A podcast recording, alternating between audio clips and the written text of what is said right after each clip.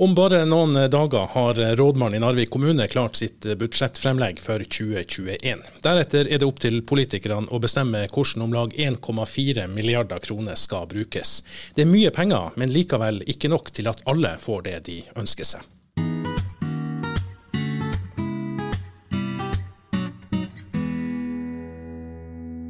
Velkommen til en ny episode av eh, Kommunepodden, en eh, podkast fra Narvik kommune. Her i studio i rådhuset så sitter rådmann Lars Skjønås, eh, kommunalsjef Rolf Lossius og mitt navn er Kjetil Mo. Og rådmann Lars Skjønås, hvilket budsjett er det du ønsker at politikerne skal vedta? Ja, jeg skulle ønske at vi hadde litt sånn litt mer handlingsrom enn det vi faktisk har. Så hadde vi hatt et budsjett på i overkant av to milliarder, så hadde det vært straks mer behagelig.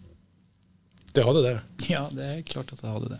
Så det er litt for lite nå til uh, å gi, lage et godt budsjett, eller, eller er det liksom uh, bare at du, du hele tida vil ønske litt mer penger? Ja, Det vil man jo alltids gjøre, da, men så er det jo sånn at i, både i, gamle Narvik kommune og i gamle Valangen og i, Kjøp, i Tysfjord så, så, sleit man jo alle med økonomien. Så, så, det er klart, eh, Jeg bruker å si det at det er jo bare i matematikken at minus ganger minus blir pluss. Det blir det ikke i økonomi.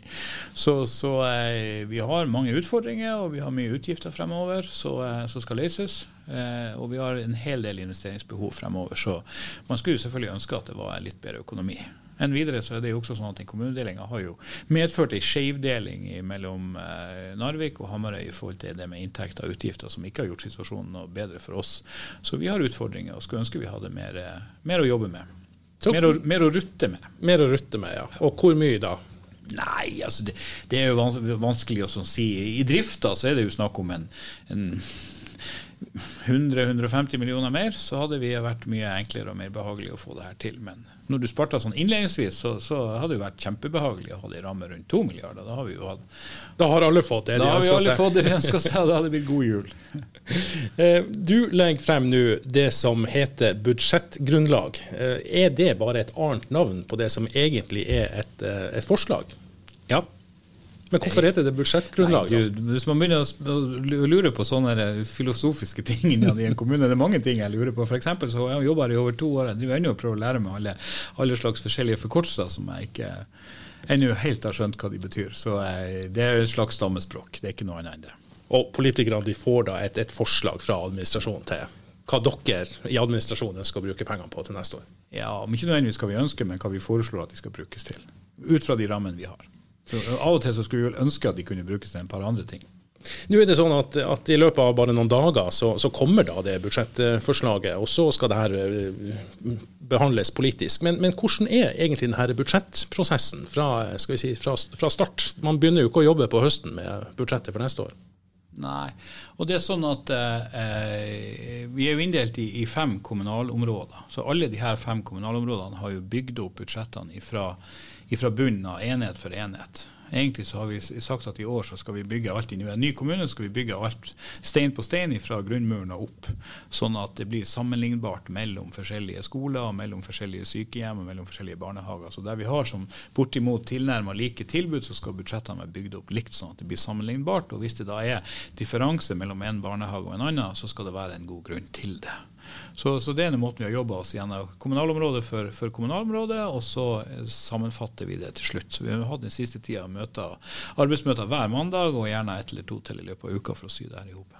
Så er det sånn at Budsjettet har jo ei inntektsside, som eh, alle budsjett har, og ei, ei utgiftsside. Men hvor kommer egentlig inntektene til Narvik kommune fra, Rolf? Nei, Det er det enkleste spørsmålet du har i dag. Skatteinntektene utgjør ca. 40 eh, Rammetilskudd eh, er da 32% det er statlige overføringer. Egenbetalinger gjennom gebyr utgjør ca. 14% og øremerka tilskudd ca. 6% Det er på en måte den fordelinga som vi har på inntektssida vår. Og når statsbudsjettet er lagt frem, som det var nå 7.10, nå er det jo enda ikke vedtatt i Stortinget, men, men da, da, da, er liksom de siste brikkene helt på plass for å kunne si hvor mye inntekter man får, eller? Ja, vi pleier å få et signal i juni. Og den, den ramma som blir signalisert i juni fra staten, pleier som regel å treffe 99 det, Men det, det, er jo til slutt de siste millionene som vi er opptatt av. Og Derfor er statsbudsjettet også veldig viktig for oss for å få den siste slutten på hvor lander vi inntektsmessig, før vi begynner å fordele på rammeområdene våre. Vil du si at det er vanskelig å beregne de her inntektene, eller, eller eh, når du sier at spørsmålet er kanskje det enkleste jeg stiller i dag, så, så er det at dere har eh, høvelig bra kontroll på utgangspunktet i hvert fall? De sier at det er kanskje to personer som kan ramme, hvordan rammetilskuddet skal fordeles til kommunene på fingerspissene. fingerspissene. ene sitter i departementet, og den andre sitter en helt annen plass. Det er veldig vanskelige komplekse formler som er lagt. Der er det ut ifra aldersgrupper, demografi, eh, helse Veldig mange faktorer som ligger inn, som utgjør vår eh, inntektsramme fra staten.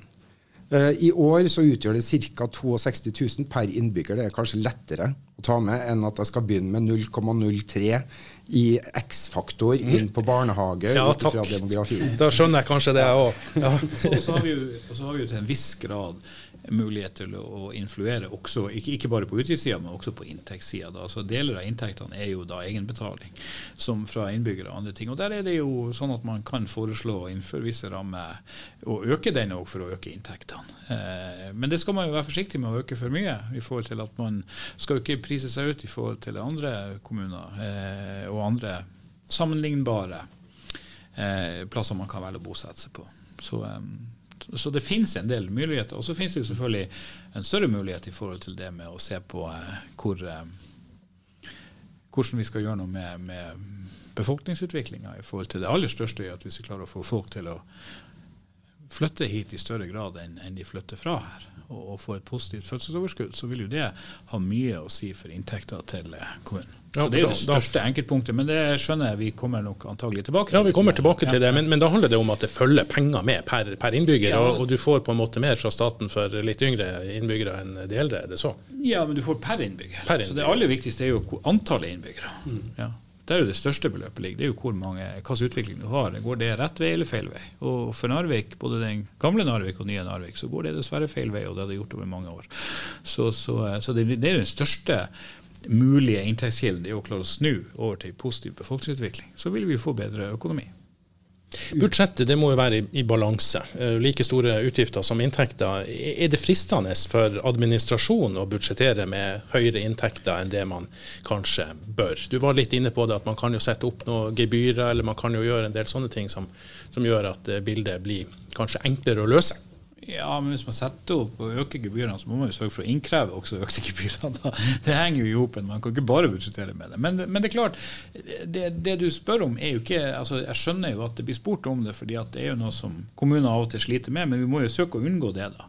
Eh, det som har vært utfordringa her inne i en ny kommune, er, har jo vært mye godt det at det har vært vanskelig å oppdage og fått med seg og sett absolutt alt av utgifter som følger med, i forhold til at man har vært tre kommuner med relativt dårlig råd som har spart inn både på vedlikehold av bygg og vedlikehold av veier og vedlikehold av andre ting, som er ikke lovpålagte oppgaver, som er ofte det man sparer på når man må. Eh, og så skal man fange det opp da inn i en større kommune. Eh, og noen har gått av med pensjon, og noen er blitt flytta, og noen andre ting så, er det, så skal enhver vei og stubb og enhvert bygg og hver andre ting fanges opp og komme inn i budsjettene. og Det, det har vært en utfordring i forbindelse med kommunesammenslåing at vi har fått samla opp absolutt alt. Og Hvis vi prøver oss på å oppjustere inntektene f.eks. kunstig, uh, for det er en del X-faktorer inn her, så er jo Fylkesmannen inn og ser på hvilke grunnlag vi har lagt og vil underkjenne det hvis vi har strokket det litt for langt med hensyn på inntektssida. Så det er noen som puster dere i nakken og følger med på eh, hva kommunen gjør? Det er ikke bare rådmannen som puster meg i nakken. nei. du, Vi var jo litt inne på det, eller du refererte jo til, til inntektssida i, i, budsjettet, og den er det, kanskje den, den, enkleste. Men hvis vi nå ser for oss budsjettet som ei stor eh, kake, hvor, hvor, store stykker går til de enkelte sektorene? Eh, ta helse og sosial, ta oppvekstundervisning osv. Altså Den største sektoren det er jo eh, omsorg og mestring eh, med 36% Så er oppvekst med skole og barnehager på 30% Og så er det da helse og velferd, eh, som er på 13% og så er det da eh, 11% knytta til plan, næring, kultur og teknisk drift. Og ellers så er det noen småbrøker på det øvrige. Er det en fordeling som på en måte bare gir seg sjøl, eller er det noe dere skulle ønske dere kunne endre innenfor eh, hvor mye man bruker på de ulike postene? Den, den styres jo først og fremst av eh, de tilbud som innbyggerne våre etterspør. Så, så den, så, den, den fordelinga der er nokså vanlig i Kommune-Norge. Vi har ikke store avvik, men, men, vi har en del avvik på en del punkter som jeg tenker at vi antagelig kommer litt tilbake til senere i denne poden. Så, så, men eh, til en viss grad kan vi påvirke det. Men igjen, det er et ganske vanlig fordeling av kostnadene i en kommune. Mm. Og endringa av det kakestykket er svært vanskelig å gjøre på ett år. Det er derfor det er så viktig å se det i et fireårsperspektiv. Fordi at veldig mye er låst av aktivitet til det første året. Derfor er det mye mindre justeringsrom for det første budsjettåret. Mens utover i økonomiplanperioden på tre år, så har man større mulighet. Vi, vi, kan jo se på denne kaka på, på flere måter. og, og det, det, er jo også et spørsmål liksom, hvor mye er det som går til lønn, til, til eh, faste kostnader, og hvor mye er, er drift i et sånt her budsjett? Uh, vi har ca. 65% som går til lønn. I tillegg så kjøper vi for rundt 22 av det her varer og tjenester. Og Det har jo en dobbeltfunksjon. Både det at vi får inn uh, det vi har behov for, men det, vi prøver også å handle lokalt. Så har vi også 8% som overføres til andre enheter uh, som drifter på vegne av oss.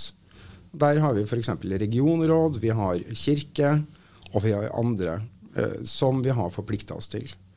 Ellers så er det da litt på renteutgifter og avdrag, totalt 5% Så det er på en måte den, den kaka knytta til hvordan kostnadene er fordelt. Skulle dere hatt mer penger til investeringer? Ja, helt klart. Altså, mye, mye, av driftskostnadene våre skyldes jo at vi er i dyre og uhensiktsmessige bygg som gjerne er for store i forhold til det antall brukere vi har i dag. Ta skole som et eksempel. Vi skal ikke bruke mye tid på, på den skolestruktursaken som kommer. Men det er klart vi har dimensjonert nå eh, skolebyggene våre for et, et, vesentlig høyere antall, flere enn 1000 flere elever enn vi faktisk har og kommer til å ha i de nærmeste årene. Så det er klart det er dyrt å drifte. Så ja, vi skulle ønske vi hadde mer penger til å investere, at vi kunne bygd mer moderne og hensiktsmessige bygg. Og nye bygg bygg har jo mye lavere driftskostnader enn eldre bygg, som følge av at de er mye bedre isolert, f.eks. Ja. Dere, det, det, sies om, om, statsbudsjettet at uh, partiene på Stortinget kun kan omdisponere sånn ca. 1,5% av budsjettet. For det meste er bundet opp i det vi snakker om nå, altså faste kostnader. Uh, gjelder akkurat det samme i, i kommunen nå når politikerne skal inn og, og prøve å, å, å sette sitt, sitt, sitt, stempel sagt, på budsjettforslaget? Ja, egentlig så er det vanskelig, og som Rolf var inne på, er vanskelig i hvert fall å gjøre noen store endringer i et ettårsperspektiv, hvis man ser over en plan, eh, en økonomiplanperiode, eller man gjør noen tiltak eller reformer som gjør en endring, så kan man selvfølgelig sette sitt preg på det. Men, men det er vanskelig å få noe sånn umiddelbar året etterpå eh, at man kan endre på så veldig mye. Men litt kan man endre på. Eh, selvfølgelig. Alltid. Vi legger ut alle tiltakene med ei avhakningsliste som de vil få etter at formannskapet har behandla det. Slik at de også kan se på miksen av tiltak for å få budsjettet i balanse. Så vi har ingen intensjon om å holde noe tilbake for politikerne. Men jeg tror vi kan Vi trenger ikke å gjøre folk overraska hvis vi sier at uh, det er veldig anstrengt og veldig små marginer det går på i år.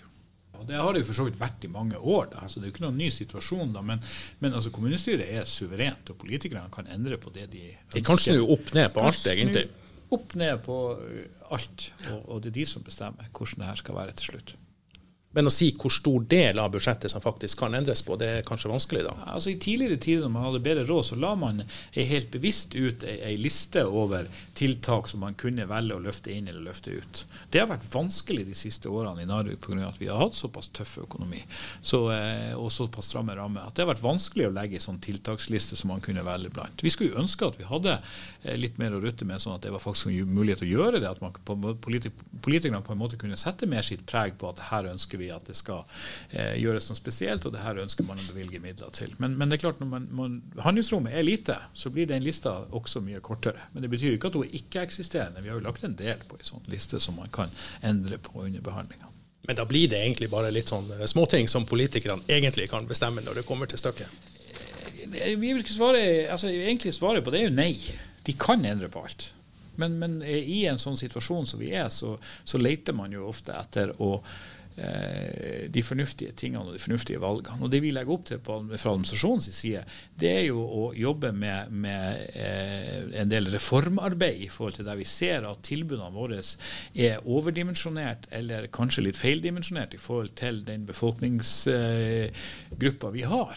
Eh, og, og da, når da innbyggerne etterspør andre tilbud Eh, eller på et litt annet nivå enn vi tilbyr i dag, så må vi gjøre en del reformer i forhold til å tilpasse oss det. Det gjelder skole, det kommer til å gjelde barnehage, og det kommer til å gjelde spesielt innenfor helse og velferd eller helse og omsorg, som vi ser at vi, vi bruker mer enn en, en, en hva som er vanlig eh, på kommunene. Og Egentlig så, så, har jeg litt lyst til å si noe om det. Eh, fordi at eh, det blir fremstilt av noen som ja, som eh, kanskje mer eller mindre bevisst velger eller ser eh, fanden på høylys dag og, og ønsker å, å, å, å, legge debatten i det sporet. For, for, vi har jo aldri sagt noen gang at det er for mange ansatte eh, på et sykehjem, eller at folk har for lite å gjøre. Man, det, er jo, det, er jo, ikke på det nivået denne diskusjonen går.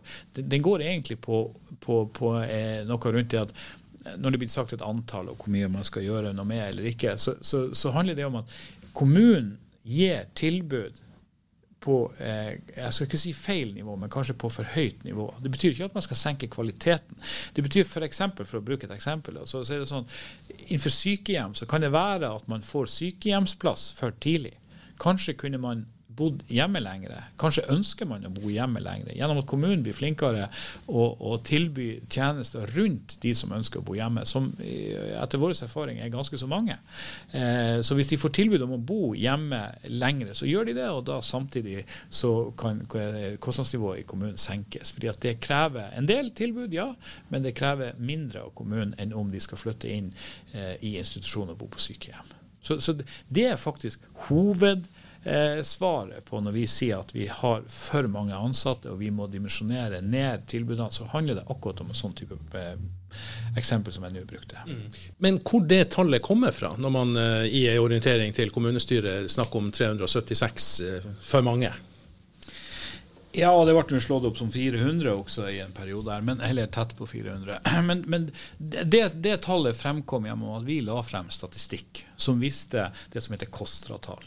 KOSTRA-tall er sammenligningstall med andre lignende kommuner som Narvik. Og i ren sammenligning med andre da sammenlignbare kommuner, for det er sortert i kategorier, så kunne det se ut som om at vi hadde 376 for mange ansatte i Narvik kommune, kontra eh, tilsvarende kommuner som oss. Og der, der, kom det tallet fra. 376 og blir runda opp til ca. 400. Eh, og, så, og, så, har vi jobba videre med det, og også sett spesielt på eh, nordnorske kommuner som er ganske så like oss. Eh, type Alta, Harstad, Rana. Eh, og sett hvordan ligger vi an i forhold til dem. Og da ser vi jo at tallene er ja, det kan se ut som vi har mellom 150 og 200 for mange, eller i hvert fall flere ansatte enn eh, de kommunene når vi sammenligner. Og da eh, regner det ut i forhold til folketallet. For et par av de her har jo flere innbyggere enn oss. da.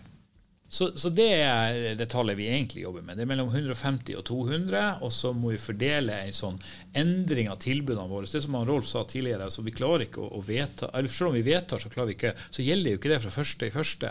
Eh, det tar jo litt tid å implementere. Det skal jo prosesser med ansatte, det er involveringer og hvordan vi skal gjøre ting. Og det kan være brukere, og det kan være foreldre, og det kan være mange ting som skal inn i bildet før vi får eh, en effekt, eller får gjennomført en del av de tingene vi vedtar, og får en effekt av det. Sånn at det må vi ta over år. Så det vi har lagt opp til i budsjettene nå, det er å fordele det her eh, nedtrekket av antall ansatte, årsverk egentlig, over to år. Det er det vi prøver å få til. Så, så langt som vi er kommet med budsjettarbeidet nå, og vi er ikke helt ferdig, så har vi et nedtrekk på mellom, eller en reduksjon i antall årsverk da, på mellom 70 og 75. Og så kan du si for det om at, eh, og du skal ikke prate med eh, sånn å si at det ikke er dramatisk, eller at vi ikke skal gjøre noe med det, for det skal vi selvfølgelig. Og det her kommer til å ramme folk, så det er trist, og det er veldig synd at vi er i en sånn situasjon. Men en del av det her skyldes jo også da høyere sykefravær, høyere bruk av vikarer, høyere bruk av vikar for vikarer, som gjør at eh, det er ikke alle de vi snakker om her som nødvendigvis er fast ansatte i kommunen som vil bli ramma. Det, det, er jo også et forsøk på å, å, ta ned vikarbruken i forhold til det høye sykefraværet. Vi har et veldig høyt sykefravær i Narvik kommune, høyere enn i de tre-fire kommunene jeg nevnte vi hadde sammenligna oss med. Og det er klart, Der ligger en god del av svaret, og så ligger det på at vi, får, vi gir tilbud på et for høyt nivå for tidlig. Det er, det er, de to hovedsvarene på hvorfor vi har for mange ansatte innenfor de her, den sektoren her som vi snakker om. Så det må vi jobbe med. Og når det gjelder det her med vikarbruk, egen vikarpool, egne andre måter å gjøre ting på, så jobber vi med det eh, også som, som en sånn parallelt løp for å få ned både sykefraværet, men også få ned vikarbruken. Og det er noe dere kommer tilbake til utover utover eh, både høsten og, og, og, neste år? Ja, klart. Det er jo et kontinuerlig langsiktig arbeid, men vi forteller jo om det når vi legger frem budsjettene nå. Så, så, eh, så, så, sier vi noe om det. Og så sier vi også noe om hvor langt har vi klart å komme nå med det budsjettet vi legger frem for 2021. Og så sier vi noe om hva vi ønsker at kommunestyret skal vedta at administrasjonen skal jobbe videre med inn i 2021 for å få en effekt i 2022. Og da må vi kanskje gå litt, enda litt lenger i forhold til en del tingene vi foreslår her. Kanskje vi må se på andre løsninger. Kanskje vi må se å be noen andre gjøre enkelte oppgaver som vi tradisjonelt har gjort i kommunen før. Og, og, kanskje vi må endre oss i forhold til å gjøre ting på en annen måte enn vi har gjort tidligere. For vi kan nemlig ikke snu bunken og fortsette å legge til et par prosent her og der. Det går ikke. Altså, dertil er eh, endringer av både totalbefolkning og sammensetning av innbyggerne i Narvik eh, har forandra seg så mye at vi er nødt til å gjøre grep. Det er ikke lenger et spørsmål om vi burde, vi må. Og Da er det også viktig å ha med seg det at det er ikke én sektor som vi har sett på den bemanningsreduksjonen. Det gjelder alle sektorene i kommunen. Vil bli berørt av den nedskjæringa som vi er nødt til å iverksette for å komme i balanse. Og da handler det altså, bare for å understreke det, ikke at uh, man har for mange ansatte som, som, man da ikke tror gjør noe, men det er rett og slett at tjenestene er, er, er for gode.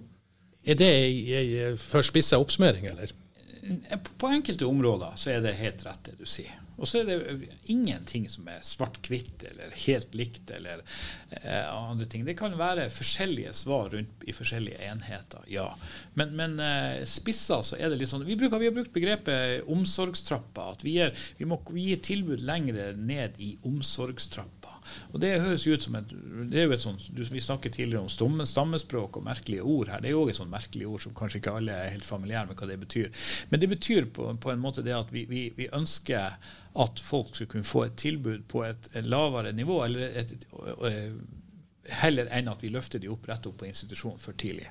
Egentlig kort fortalt det det handler om. at Hvis folk kan bo hjemme lengre, Eh, og det er vel noe som mange vil også, da. Så, så det behøver jo ikke å bety at tjenesten i og for seg blir dårligere, eller nei, kvaliteten på, nei, på, det man tilbyr blir dårligere. Akkurat. Poenget er at det, ikke, det betyr ikke at det blir noe lavere kvalitet på det man, man, tilbyr. Man tilbyr bare noe annet. Og gjerne en tjeneste som mange etterspør. Men det er klart, da må du ha tilbud rundt, sånn at du har en mulighet til det. Da må noen kunne levere ved til de folkene som skal bo hjemme lenger, for det kan de ikke hogge sjøl. Noen må kanskje hjelpe dem med å handle.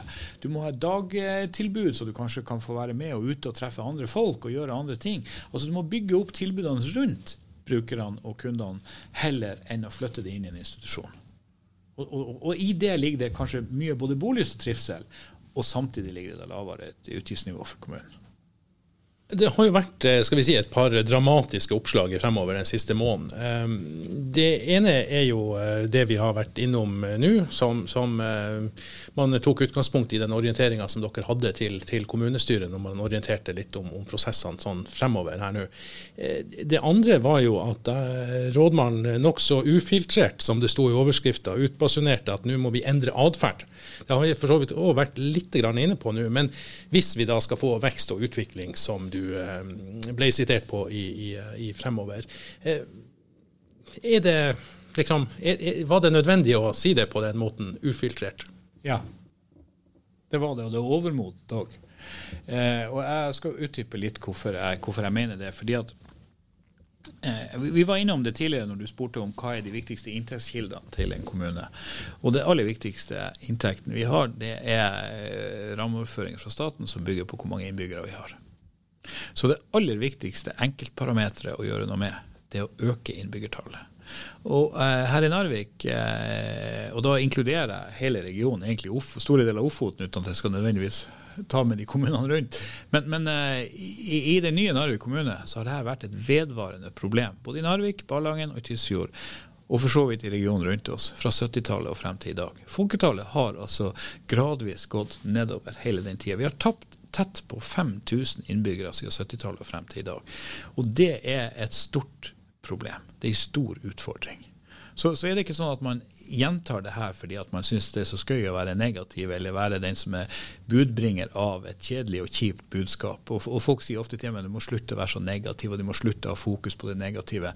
Men, men noen må ta frem fakta. Fordi at diskusjonene bør og må bygge på fakta, og ikke så mye på følelser. i forhold til at eh, Vi må ta inn over oss hvordan situasjonen er. Og det at vi er blitt 5000 færre. Denne byen er blitt mindre i samme periode som andre bykommuner har blitt større og fortsette å bli større. Og Når vi spør hvordan kan de ha råd til det der, og hvordan får de det til her osv., så, videre, ja, så henger det veldig ofte i hopen med det jeg nå snakker om.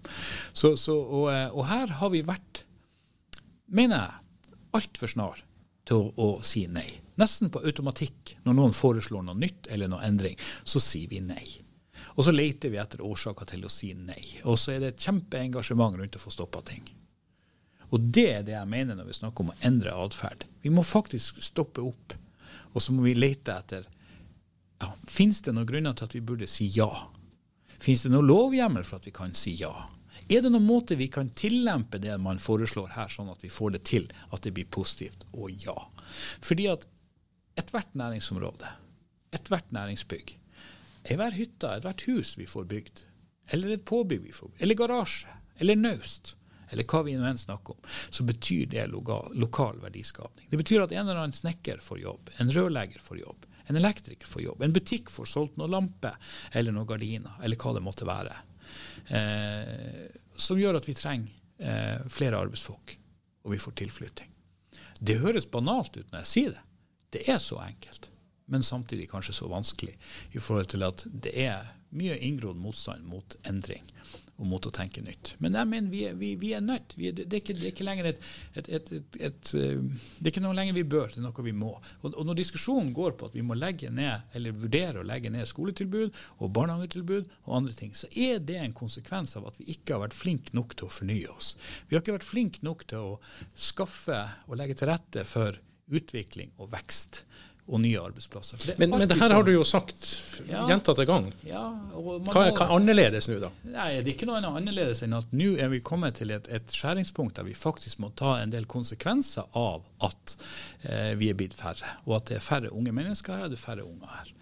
Eh, så, kommer, så det er egentlig ingenting som har forandret seg, annet enn at nå er vi der at vi, vi, har kjørt i gang en skolereform. Og vi, kommer, og vi har for så vidt også kjørt i gang en barnehagereform. Som følge av at vi er nødt til å gjøre endringer. Hittil har vi ikke vært nødt til å gjøre så mange endringer. Vi har hatt en økonomi som gradvis har blitt forverra og dårligere, men, men nå er vi kommet til det punktet at vi må gjøre noe. Så, så det er nytt. Men, men, det er en gang sånn, eh, og man kan like det eller ikke, men arbeidsplasser og bedrifter og næringsliv er ikke noe som er statisk. Det er dynamisk. Det forandrer seg hele tida. Og hvis man ikke er villig til å være med, og man ikke er villig til å forandre seg og endre seg, så går det ikke bra. Og det er egentlig litt det som er situasjonen her. Ja, For å eksemplifisere det, egentlig. Hvis du hadde fått 100 nye innbyggere, 25 kjernefamilier Vi har plass i barnehagene som vi allerede betaler for. Og vi har plass i skolene som vi allerede betaler for. Og de her vil da mest sannsynlig være én eller to nye skattebetalere inn til Narvik. Det er alt veldig positivt. I tillegg så ville kommunen fått 6,2 millioner overført i merinntekter. Fordi de teller såpass mye inn på innbyggeroverføringene. Så det er en vinn-vinn-situasjon inn i dette her.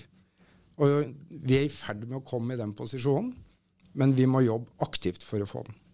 Så da ser man også at det er en sammenheng mellom innbyggertall og si, antall arbeidsplasser? Ja, den er jo innlysende at det er en sammenheng mellom det. Og, og, og har man ikke attraktive og spennende arbeidsplasser, og, et, et, og kommunen og ellers lokalsamfunnet tilbyr et, et, bredt tilbud til innbyggere som, som gir bolyst og andre ting, så, så, sliter vi. Og det er jo akkurat der vi er. Hvordan har reaksjonene vært etter det her ufiltrerte utspillet, som eh, det ble kalt i, i, i Fremover?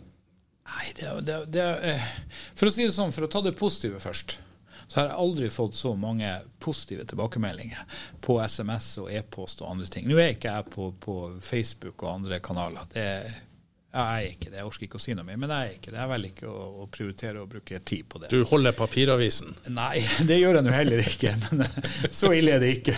Men, men, jeg bruker ikke så mye tid på det. Men jeg har aldri fått så mange positive tilbakemeldinger. Jeg har nå sagt et og annet kontroversielt i årenes løp. Eh, og, og, jeg har aldri fått så mange positive tilbakemeldinger på e-post og SMS fra folk som jeg normalt ikke snakker så mye med. Samtidig har det jo vært mye av det vanlige. Eh, og, og, der man ikke er så veldig opptatt av å snakke om saken, men og heller skal ta personen enn saken og beskylde både det ene og det andre. Og det syns jeg er kjempetrist.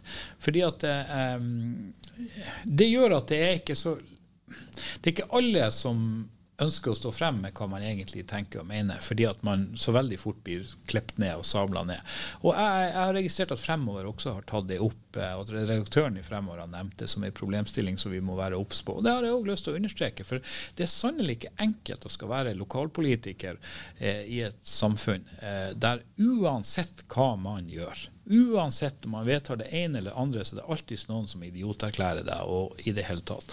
Med, med et språkbruk og en ordbruk som, som, er ufin, for å si det pent, og beskyldninger om både det ene og det andre som fremsettes. Jeg syns det er kjempetrist. Og det gjør, det, det gjør noe med eh, både lokaldemokratiet og viljen til folk til å stille opp og ta både politiske verv og styreverv i bedrifter eller andre ting. fordi at når man da gjør noe eller bidrar til et eller annet, eller kanskje ikke helt enig, så går man på person i stedet for sak. Jeg syns det er trist. Jeg skulle egentlig ønske at når man tar opp sånne her problemstillinger, og man, man, man, lufter det og legger det frem, at det skulle ha medført kanskje en, en, debatt og en diskusjon som har gått mer på innholdet i det man sier. Saken man tar opp, faktaen man tar opp, heller om Ja, jeg tror jeg stopper det. Jeg tror folk skjønner hva jeg mener. Noen mener jo da, og da er det kanskje i den stilen, at du kom med det her utspillet som et innlegg i denne debatten som, som går nå om det bør bygges en dagligvarebutikk eller ikke på et næringsareal i bydelen Taraldsvik. Hva tenker du om det? Overhodet ikke. Samtidig er jo det en del av det man snakker om. Men det er jo ikke det som er bakteppet. Det er så mye, mye større om det skal bygges en butikk på Taraldsvikjordet eller ikke. Eh, men det er jo en del av det. Det er en av mange saker som skal til behandling. Og det kommer, ja, Hvis vi er heldige da, og lykkes med en del av de tingene som man holder på å jobbe med, så kan det hende at det kommer mye større næringssaker enn den ene der, som kanskje har en del eh, innflytelse, eller hva jeg skal si eh, innvirkning både på natur og på arealer og på utseende i forhold til hva vi jobber med. Det kan være om det er i fjorden, eller om det er på fjellene, eller, eller på tidligere flyplasser, eller hva det måtte være, at det kommer noe som, som er, er, mye større enn det her. Men, men eh, det handler jo ikke bare om det. Tilbake til budsjettet. Eh, rådmannen eh, har lagt vekt på at det må settes av penger til investeringer, og at ikke alt blir tatt ned til et minimum. Det var i hvert fall det dere la vekt på i eh, orienteringa til, til, kommunestyret. At kommunen fortsatt må gi innbyggerne mer enn det de egentlig bare kan forlange av si, sånne, sånne lovpålagte oppgaver. Hvorfor er det viktig?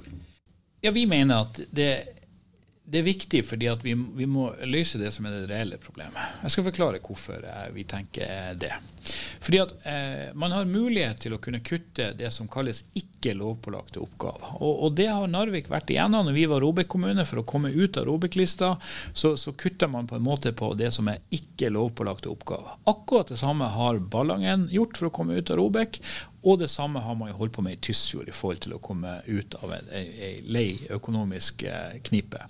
Eh, men det, det, løser liksom ikke noe annet enn at du kommer deg ut av Robek. Hvis du da utsetter å, å ta vare på veier og bygg og andre ting, og, og, du kutter ut folk som kan jobbe med reformer og endringer og innhente statistikk og finne ut hva er det vi egentlig må gjøre noe med, så, så, så, så løser du ikke noe problem. Du bare utsetter det.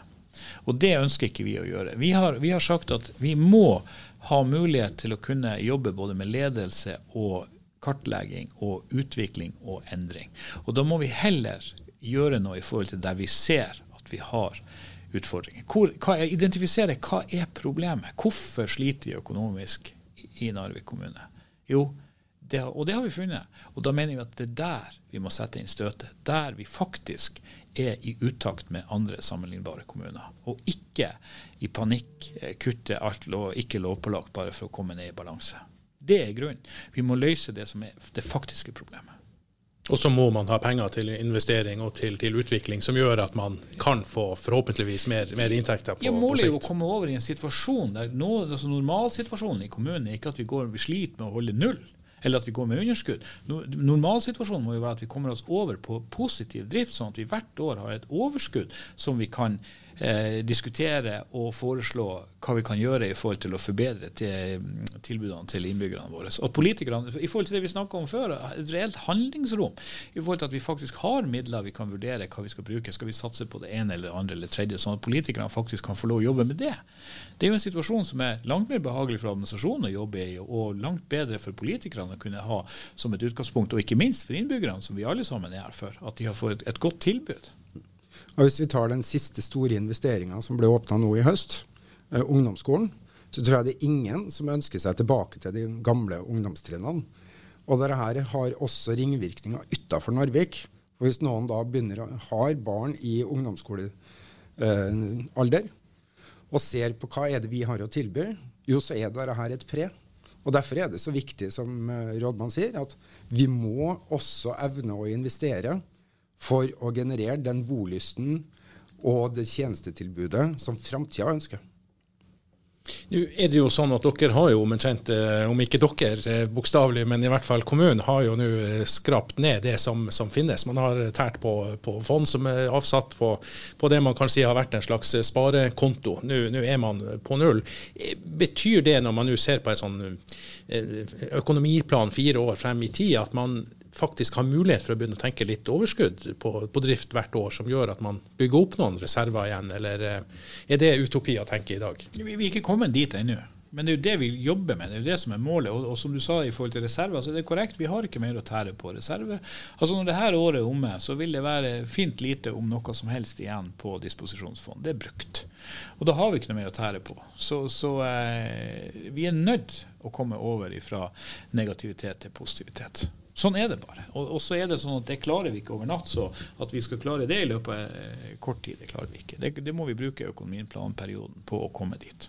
Og da må vi løse det som er de reelle problemene.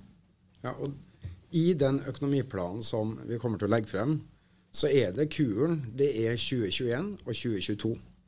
Det gir et lyspunkt mot 2023 og 2024, som er den perioden vi skal legge frem. Og vi har jo en visjon om at vi da, gjennom de tiltakene som vi starter med, også skal generere et overskudd på størrelsesorden 50-100 i 2027, kanskje. 50-100 millioner i 2027? Kanskje. I driftsoverskudd. Mm. Nettopp for å gi den, det handlingsrommet til politikerne eh, opp mot hva er det man ønsker å bruke penger på. Det er det langsiktige målet, og det må jo være et mål at vi klarer å drifte en kommune, denne kommunen i pluss og ikke i minus.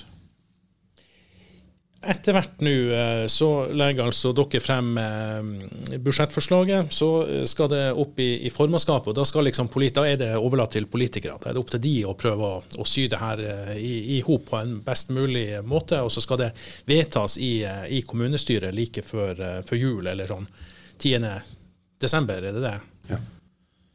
Hva tenker dere om den jobben som politikerne nå må gå inn i? Det er ikke enkelt. Det, det er utrolig krevende, og det, det, det, skjønner vi. Eh, for det er klart Når man har såpass lite å jobbe med og såpass lite å rutte med, så, så blir det tøft og det blir vanskelig. Vi, vi, eh, vi har veldig stor forståelse for det. Eh, vi håper jo bare at vi, vi klarer å få forståelse for de lange linjer at vi må gjøre noen sånn vesentlige grep i forhold til det. Det er aldri populært. Altså Hvis vi skulle ende opp med å endre skolestruktur og barnehagestruktur og andre ting, så er det ikke populært. Det, det skjønner vi. Og det er tøft å stå i. Så det, det er en krevende jobb som politikerne skal gjøre. Det vi kan gjøre, og, altså når vi har avlevert budsjettet til politisk, så det er ikke sånn at da, er, da tar vi juleferie frem til 10.12. Da er vi på tilbudssida opp mot politikerne som skal prøve å sette seg inn i det her på kort tid. De har garantert mange spørsmål, og det å hjelpe dem med å finne svar som, eh, som er valid, uh, vil være en kjempeviktig jobb for administrasjonen i den perioden som politikerne skal jobbe med det også. Dette er jo det andre budsjettet for den nye kommunen som, som man skal vedta nå. Eh, det første året ble jo ikke sånn som man hadde forventa. Vil neste år bli et mer normalt år? Altså Normalt i den forstand at vi har fått bedre oversikt over utfordringer og utgiftssida. akkurat i overgangen så var ikke det helt enkelt. Ta et eksempel. Eh, budsjettene ble vedtatt eh, på bakgrunn av det vi visste eh, tidlig i året. Og så, og så ble, vedtatt, eller, så ble bemanningsplanen endelig fastsatt etter det. På det tidspunktet var det ikke helt avklart hvor mange ansatte for eksempelvis skulle til Hamarøy, hvor mange skulle til Narvik. Og vi hadde heller ikke full oversikt over hvor mange ansatte som var rundt forbi hele denne nye, større kommunen. Bemanningsplanen, eh, som da hadde en garanti, jobbgaranti, at ingen skulle miste jobben som følge av kommunesammenslåing, ble på en måte fastlagt etter budsjettene ble vedtatt. Det har vært en utfordring i forhold til at vi hadde ikke full oversikt. Og det har gitt en del utslag både her og der. Så det var én utfordring. Og så var det sånn at vi, vi, kjente ikke absolutt alt inn i ny kommune. Vi har jobba oss gjennom det. og Vi har funnet mye både en og andre veien som måtte korrigeres både i Narvik og i Ballangen og i Kjøpsvik. Så, så nu, til spørsmålet ditt, ja, nå er det vi på en måte over der vi kjenner litt mer og litt større hva, hva, hva vi har av utfordringer. Og, eh, og, så skal vi jo ikke, i forhold til at vi, det er vanskelig og en litt sånn tøff eh, prosess vi er inne i, så skal vi ikke stikke under en stol heller at vi syns det, det, er utrolig krevende og utfordrende den grensedelinga som staten har satt mellom eh, nye Hamarøy og nye Narvik kommune. Der er det ei, ei klar og tydelig skjevdeling mellom inntekter og utgifter til Hamarøy og til Narvik. Der Hamarøy har fått en langt gunstigere inngang i en ny kommune enn det Narvik har fått. Og Det setter vi i forhandlinger med Hamarøy kommune med nå. og Så får vi se om vi klarer å bli enige om noe. og Hvis ikke så må vi jo løfte den saken høyere. Det er en utfordring for oss å få på plass eh, det faktum at vi har overtatt en langt større andel av utgiftene og en langt, langt mindre andel av inntektene. Det er delt på en sånn måte at inntekter fra havbruk og eh, energiproduksjon i all hovedsak havner i Hamarøy i fremtida. Og så får vi en større andel både av bygg og ansatte og andre ting som gjør at vi har en høyere utgifts, eller større, utgifts, større utgifter enn Hamarøy vil få. Det er vanskelig. Du er jo litt inne på det, Lars, at, at uh, havbruk, energiproduksjon, andre ting som, som gir inntekter, er, er viktig. Uh, og det er jo, til tross for at det er en diskusjon om den delinga mellom, mellom, Narvik og Hamarøy, så, så, har jo Narvik energiproduksjon, og vi har havbruk og vi har en del andre ting hvor det er muligheter å få enda mer vekst. Ser du noen sånn positive ting i det fjerne nå? Ja, helt klart. Altså, hvis ikke så har man jo gått i en tung depresjon, og, og det skal man jo ikke gjøre. Eh, det, vi, har, vi er i den heldige situasjonen i, nye, i, Narvik, den nye Narvik kommune, at vi har masse muligheter. Vi har mange dyktige medarbeidere, mye engasjerte folk som står på og jobber lange dager. Vi har mange rundt oss, vi har et næringsliv, og vi har folk rundt oss på alle kanter som egentlig ønsker og vil godt. Eh, så, det, så, det, er mange mange gode krefter som jobber mot å, å, å komme inn i, i, i smulere farvann og, og hyggeligere, et hyggeligere terreng. Og så er det sånn at vi har en masse muligheter òg. Og hadde vi ikke hatt det, så hadde man jo kanskje eh, vært i litt dårligere humør og, og, og måtte ha knaska lykkepiller. Men, men, vi er heldigvis i en sånn situasjon at, at Narvik har Masse muligheter. Vi må bare velge å gripe dem. Vi må velge å legge til rette for dem. Når Forsvaret satser tungt her i regionen vår, så må vi også eh, legge til rette for å få mest mulig etablering og mest mulig positivitet ut av det. Og ikke nødvendigvis bare se at det smeller og det bråker og det kjører noen biler forbi ny og ne. Vi må også se det positive med at Forsvaret etablerer seg tungt i denne regionen. At det er noe vi også må legge til rette for. Så har vi havbruk, som du nevnte. Eh, man kan si at Det er synd at vi ikke har mer, fordi at mange andre kommuner har god økonomi og har store inntekter fra havbruk, både ansatte direkte og investeringer, og fra havbruksfond og andre ting. Det har ikke vi. Vi har lite. Men det er jo en mulighet. For vi har jo heldigvis fjorder rundt oss og uh, havarealer som kan benyttes til det. Så man kan jo velge å se på det som en, som en oppside òg, og en mulighet til at her kan vi faktisk gjøre noe. Så det er jo flott. Eh, og så har vi eh, energi, som du nevnte. Grønn energi. Vi er i den heldige situasjonen at vi er, eh, har et kraftoverskudd. Så kan du si at det er et fritt marked, og alle kan flyttes fritt. og andre ting. Nei, det er jo ikke så enkelt. Du skal nå ha overføringskapasitet til det òg. Så vi har overproduksjon eh, og har kraftoverskudd. Grønn kraft i denne regionen. Og det er flott. Og vi mener jo at eh, det er jo gale, Mathias, å flytte, produsere, bruke naturen vår her til å produsere kraft, som vi da flytter til Sør-Norge eller Finland eller Tyskland, og så blir det etablert arbeidsplasser der.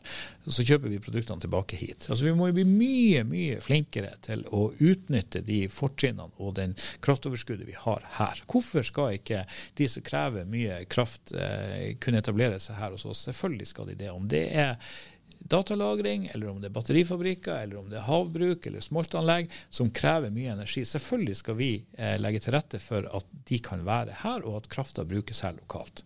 Og Det er også, også, i et sånt miljøperspektiv viktig, for du har alltid svinn når du overfører det andre steder. Pluss at du må frakte en del frem, innsatsstoffer frem og tilbake. Så det er en stor fordel å ha det her. Og så er det sånn at vi, vi innenfor logistikk er vi jo allerede stor, og det ligger også der muligheter for å kunne vokse videre. Det jobbes godt med å få til både båtrute og dobbeltspor på Ofotbanen, og videre utvikling av terminaler og andre ting, og det etableres i Bjerkvik og ellers rundt forbi distribusjon. Så logistikk og distribusjon kan vi bli enda større på. Vi må bare også der legge til rette for det. Også det siste jeg tenkte å nevne i forhold til eh, ting som vi kan satse på, så har du da VM 2027 som, som er kjempeviktig. Og, og, og, mange spør ja, hvorfor det, og det gale Mathias, og det sykkel-VM gikk jo med underskudd og andre ting. Og, og, til det er det å si det er ikke, det er ikke nødvendigvis de her 14 dagene, tre uker det pågår et idrettsarrangement som er det viktige. Det viktige med det her det er størrelsen i det, og det faktum at for å klare å avvikle verdens nest nest største vinterarrangement, så må det bygges enormt med infrastruktur. Og det ser vi fra andre steder som har hatt VM i alpint, hvor mye som er bygd og investert. Så, så den oppbygginga av infrastruktur, av veier og, og tekniske anlegg, og det, som også senere kan brukes både generelt og i reiselivet spesielt, er kjempeviktig. Og så det, det er perioden før og perioden etter et VM som er viktig, ikke nødvendigvis det idrettsarrangementet.